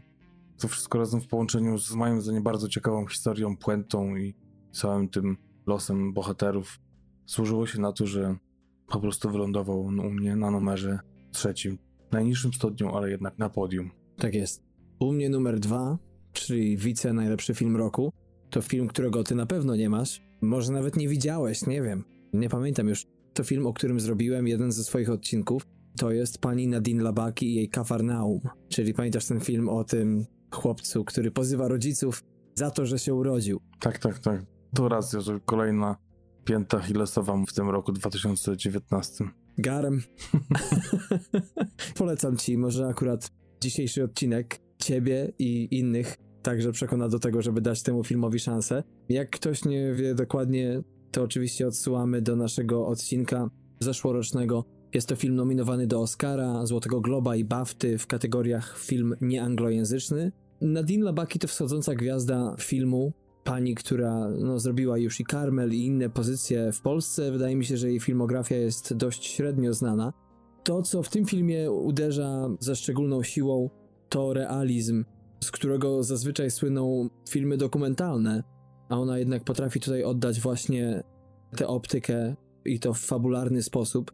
W tym filmie upakowany jest naprawdę cały ten wór z ludzkim nieszczęściem.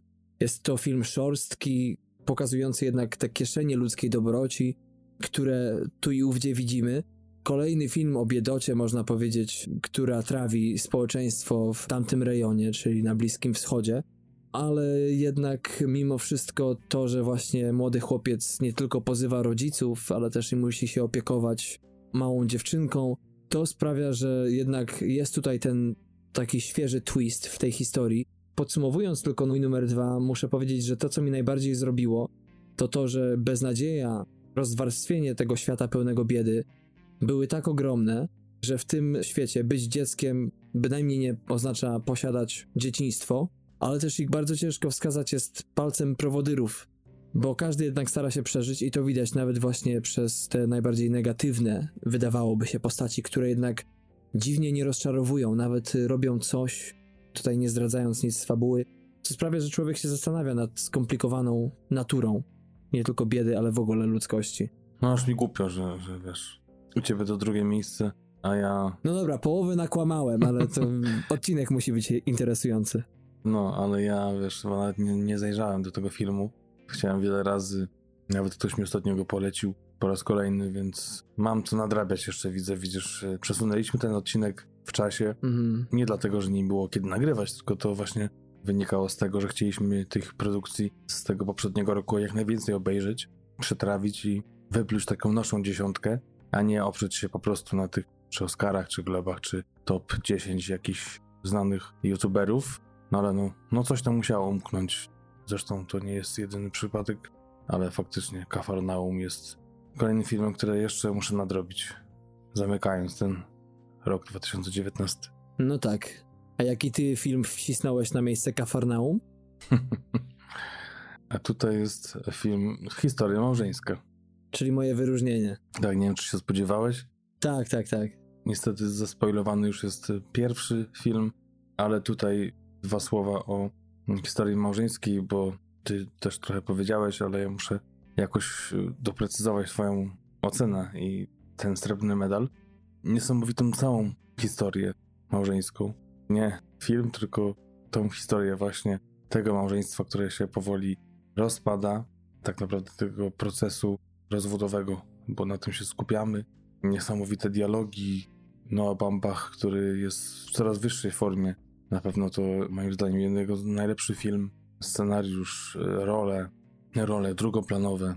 Właśnie wspomniana przed siebie Laura Dern, ale też Ray Liotta mhm. w dość niespodziewanej roli i też, no oczywiście Scarlett Johansson, która mm, pokazuje pełnię swojego talentu, Adam Driver, który pokazuje jak jest wysoki i ciemne ma włosy. No, oczywiście żartuję, ale to wiecie, że ja nie potrafię się przekonać do jego talentu czy jego ról. To jednak tutaj mi nie przeszkadzał tak bardzo. Mogę tylko dodać taki plusik, że ładnie śpiewał, więc gdzieś tam też jemu się należą oklaski. I to przełożenie na faktyczną historię Noe Bambacha, bo tego za dużo nie słychać w internecie, że właśnie oparty to jest na jego historii. Też jak to ktoś bardzo wyedukowany w biografii Bambacha powiedział, że to jest chyba oparte na rozstaniu z Gretą Gerwig. Więc...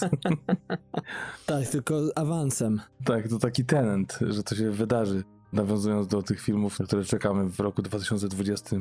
Oczywiście mówię o Christopherze Nolanie. To oczywiście chodziło o Jennifer Jason Lee, a właśnie to, że wszystkie składowe tego filmu, a bardziej te cechy charakterystyczne bohaterów i historia składa się na to, że to była ta historia właśnie rozpadu jego małżeństwa. Chociaż nawet Laura Dern w wywiadzie mówi o tym, że tak ją uwiódł tą historią opowiedzianą przez telefon, tak jakby to sobie wymyślił, nie wiem, jakby to był temat tabu, że to gdzieś tam może być oparte na jego życiu. Mm. Tak czy inaczej, oddał to tak, jak potrafi. Jak przeżył, to pewnie i optyka jak najbardziej na miejscu i prawdziwa, i gdzieś tam też organiczna, tak? Te zachowania mógł pewnie gdzieś przywołać z pamięci, jak to się działo. Dokładnie nie wiem, który to był rok tego rozstania, ale za scenariusz Oscara nie dostał.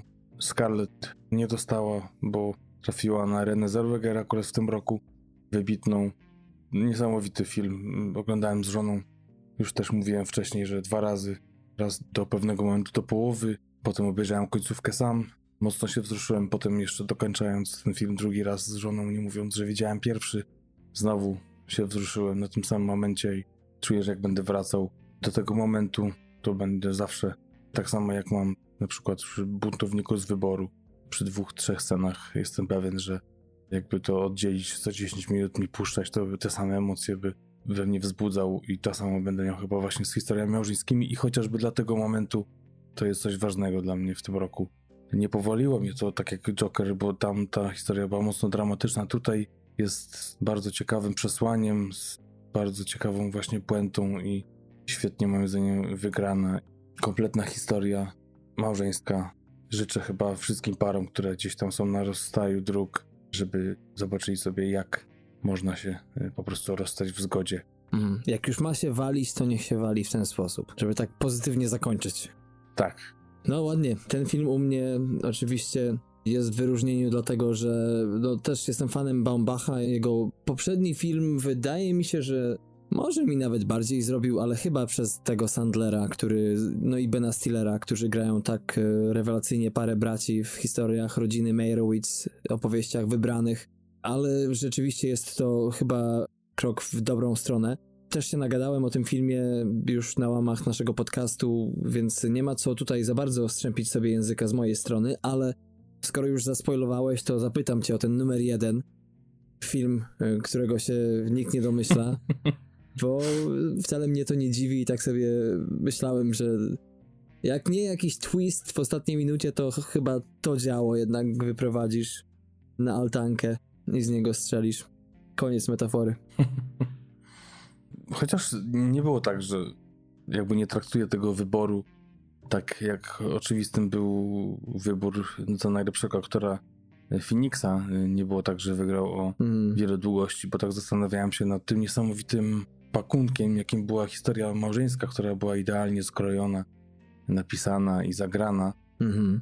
I tutaj na kontrze mamy rozwleczone, można powiedzieć, pewnego rodzaju w Hollywood, które no, wymaga zupełnie innego podejścia, wyrozumiałości i otwarcia na najnowsze dzieło Tarantino dla jego fanów, Mhm. którym jestem od wielu, wielu lat.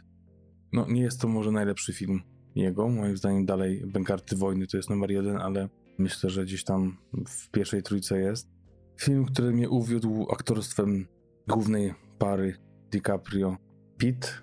Ja do końca kibicowałem oczywiście Pittowi, ty, ty byłeś trochę...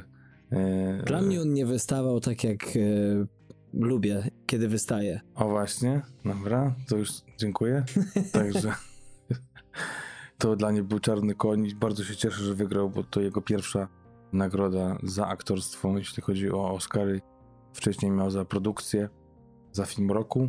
12 Years a Slave, tak. Tak jest. I fajnie, że na taką rolkę moim zdaniem wycofaną i to całe przejście przez cały film, bo jest to może drugoplanowa rola, jednak przewija się przez cały film. Nie ma tak, że ma tylko małą ruleczkę, Mhm. ale jednak jest w cieniu DiCaprio, który też genialnie wykonuje swoją robotę i tak jak mówiłeś Darku, że on ci wystawał w tym pozytywnym znaczeniu, jeśli chodzi o rolę, bo wiele i emocji i postaci musiał zagrać i ten wachlarz jego aktorstwa, który też doceniam i wychwalam, chociaż w odróżnieniu od ciebie uważam, że nie za zjawę powinien dostać, tylko dużo wcześniej.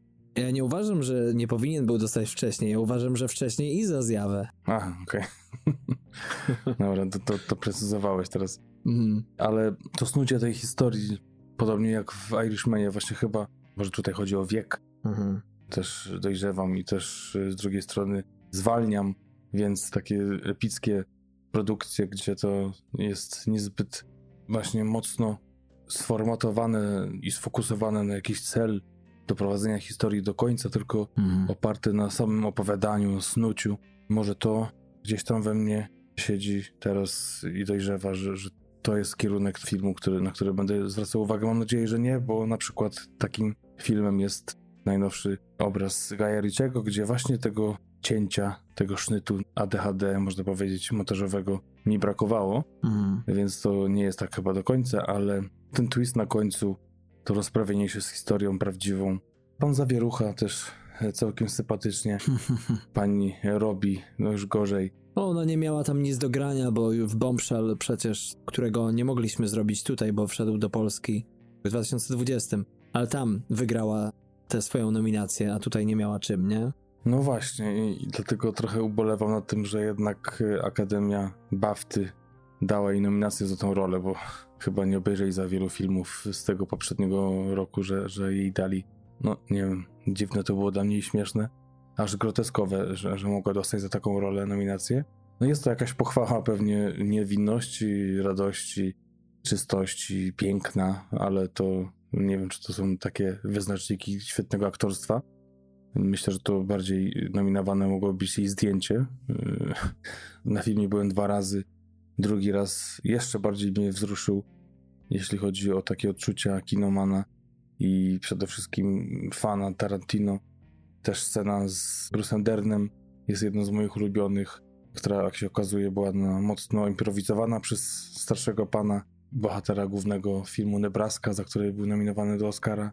To wszystko złożyło się na to, plus świetne zdjęcia, montaż i muzyka genialna z tych lat, końcówki lat 60., na to, że po prostu pewnego razu w Hollywood jest moim filmem roku. Tutaj nie będę może przeczył temu, co powiedziałeś a propos tego filmu, bo też mi się podobał. Było kilka rzeczy, które gdzieś mnie tam bodły, ale cieszę się z kolejnej przeniesamowitej, genialnej kreacji Leonarda DiCaprio, który dla mnie jest chyba jednym z najlepszych aktorów.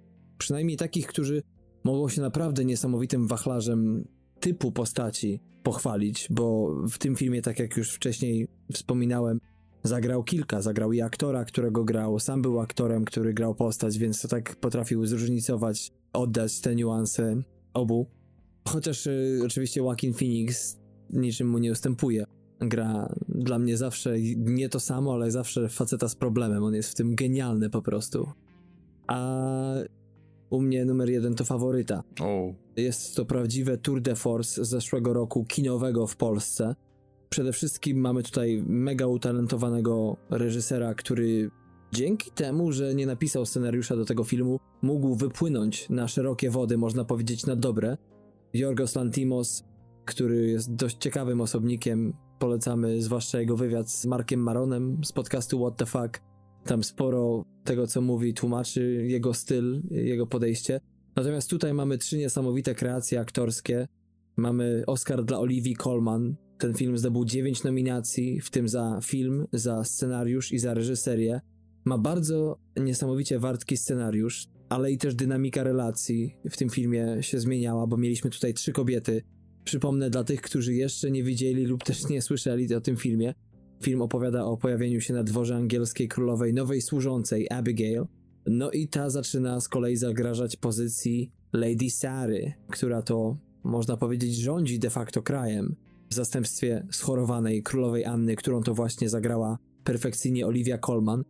No i tutaj zaczynają się te schody. Tutaj mamy też nie tylko sporo i bólu, i prawdziwego ludzkiego cierpienia, ale mamy też i te negatywne cechy. Mamy zazdrość, zawiść, mamy także i zdradę, manipulację, no ale mamy też bezbronność, bezradność i sporo humoru, bo jest naprawdę w tym filmie tyle niesamowitych momentów, twistów, które tylko dodają temu filmowi więcej przyprawy.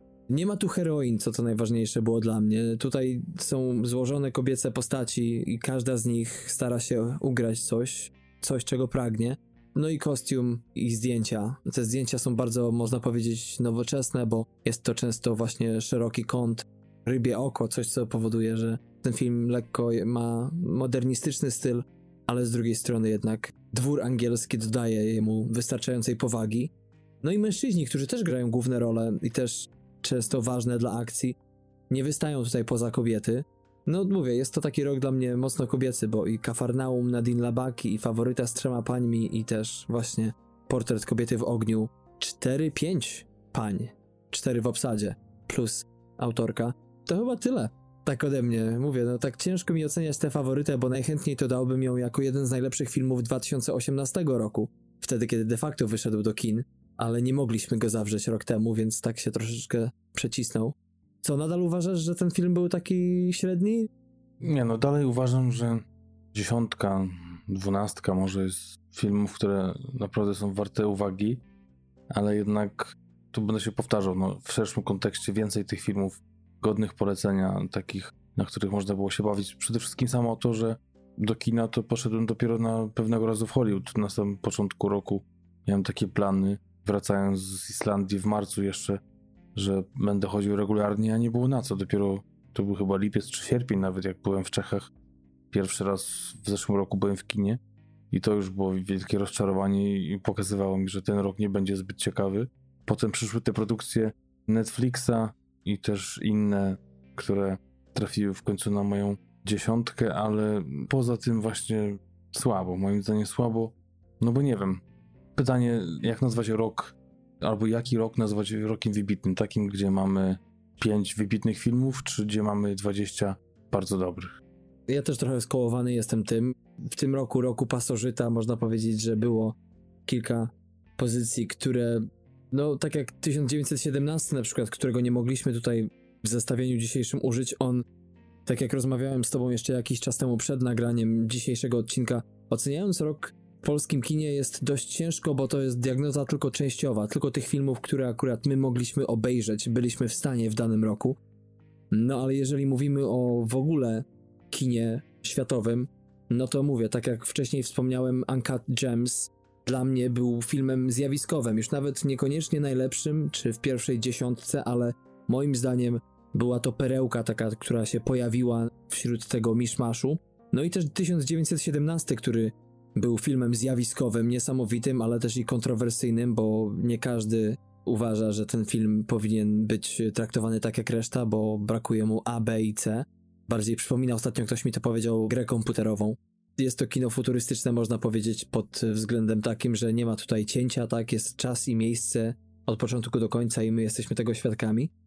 Ta pierwsza moja piątka sprawia, że czuję się dość komfortowo z tym, że jednak coś obejrzałem wartościowego, ale tylko to sprawia, że chcę jeszcze. Mam nadzieję, że 2020 rok z Duną na czele to będzie rok, który will blow our minds, jak to mówią pod Radomiem Hm. i będzie się z czego cieszyć. I Christopher Nolan przecież, prawda, z Tenetem. No właśnie powiem ci, że tak przejrzałem na szybko te listy filmów, na które chciałbym wyczekiwać, To ja już ci daję pozwolenie nawet na to. które będą miały premierę w tym obecnym roku, a, a na które ja będę czekał i no nie wygląda to zbyt ciekawie. Aha. Chociaż inaczej, bo to są takie filmy, które zaraz wymienię, które są naprawdę na mojej gorącej liście, a myślę, że mam nadzieję i też trzymam kciuki za to, że będą się pojawiać raz, że niespodzianki, a dwa filmy, które no, też mogą się okazać dobre, ale tutaj już i po nazwiskach twórców, i po zwiastunach można uważać, że będą czymś wyjątkowym. I tak oczywiście mamy ostatnio film, do którego ukazał się zwiastun, czyli The French Dispatch, Mhm. Wes Anderson, to jest 24 lipca. Tutaj mamy też właśnie wspomnianego przez ciebie Teneta, Christophera Nolana, 17 lipiec. Mamy też Manka, opowiadający o scenarzyście filmu Citizen Kane, Mhm. w reżyserii Davida Finchera. Tutaj akurat nie mamy jeszcze daty premiery, a do tego dochodzi Last Night in Soho Edgara Wrighta, 26 września i na szczęście łapiący się na ten rok 2020 w Polsce, bo też bałem się, że jak premiera światowa jest w grudniu, to w Polsce będzie później, ale jednak Duna Mhm. Denisa Villeneuve'a to jest 18 grudzień w Polsce. Tak jest. No mam nadzieję, że te filmy zaskoczą, bo jeszcze są przecież e, takie, które nie mają daty ukazania się, to znaczy są przewidziane na 2020 rok, ale studio nie podało, więc de facto nie wiemy, czy ten czy tamten tytuł zawita do nas.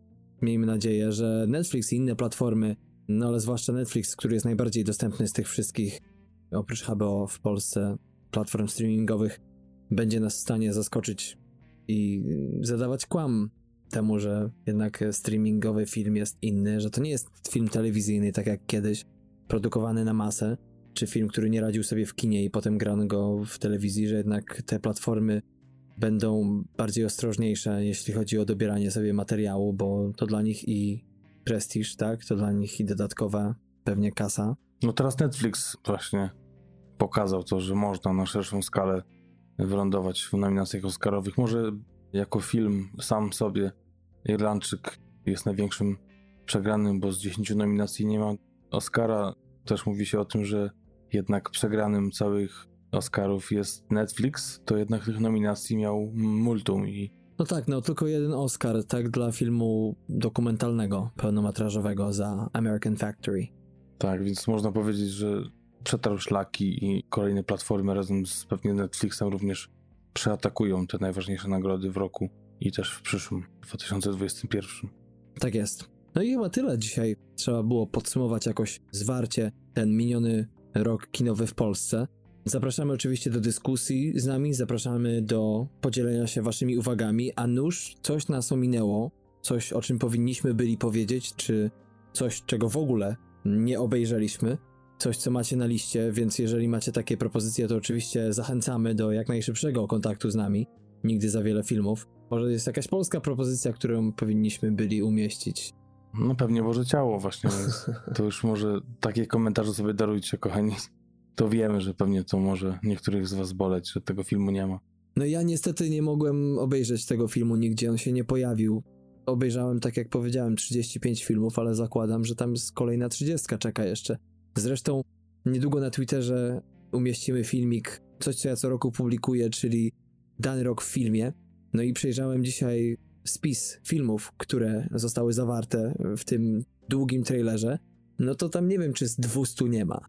No tak to pewnie będzie, tak zawsze kompilacje wyglądają, ale tam nie ma przesiewu na dobre i złe, więc nie, to są tylko ciekawe sceny. tak, dokładnie. Więc to nie jest znak, wyznacznik tego, że czegoś nie widzieliśmy, bo zawsze no nie da się obejrzeć wszystkiego, choćby nawet produkowanego w jednym kraju. Wybaczcie nam, że nie widzieliśmy wszystkiego, ale, ale piszcie, piszcie, bo, bo czemu nie, nie zamykamy się na ten 2019 rok. Ja na pewno nie, bo przynajmniej jak widzę dzisiaj po dzisiejszych listach, dwa filmy muszę sobie jeszcze nadrobić, a może i będzie tego więcej, także zapraszamy do kontaktu. Facebook i Instagram to TMF Podcast pisane razem. Na Twitterze jesteśmy pod aliasem TMF Dolny, podkreśnik podcast. Oczywiście wszystkie apki podcastowe, Spotify, YouTube, itp. itd. To tyle. Dziękujemy kochani. Zapraszamy na kolejne odcinki. Zapraszamy też na te poprzednie i do usłyszenia w kolejnym odcinku. Cześć.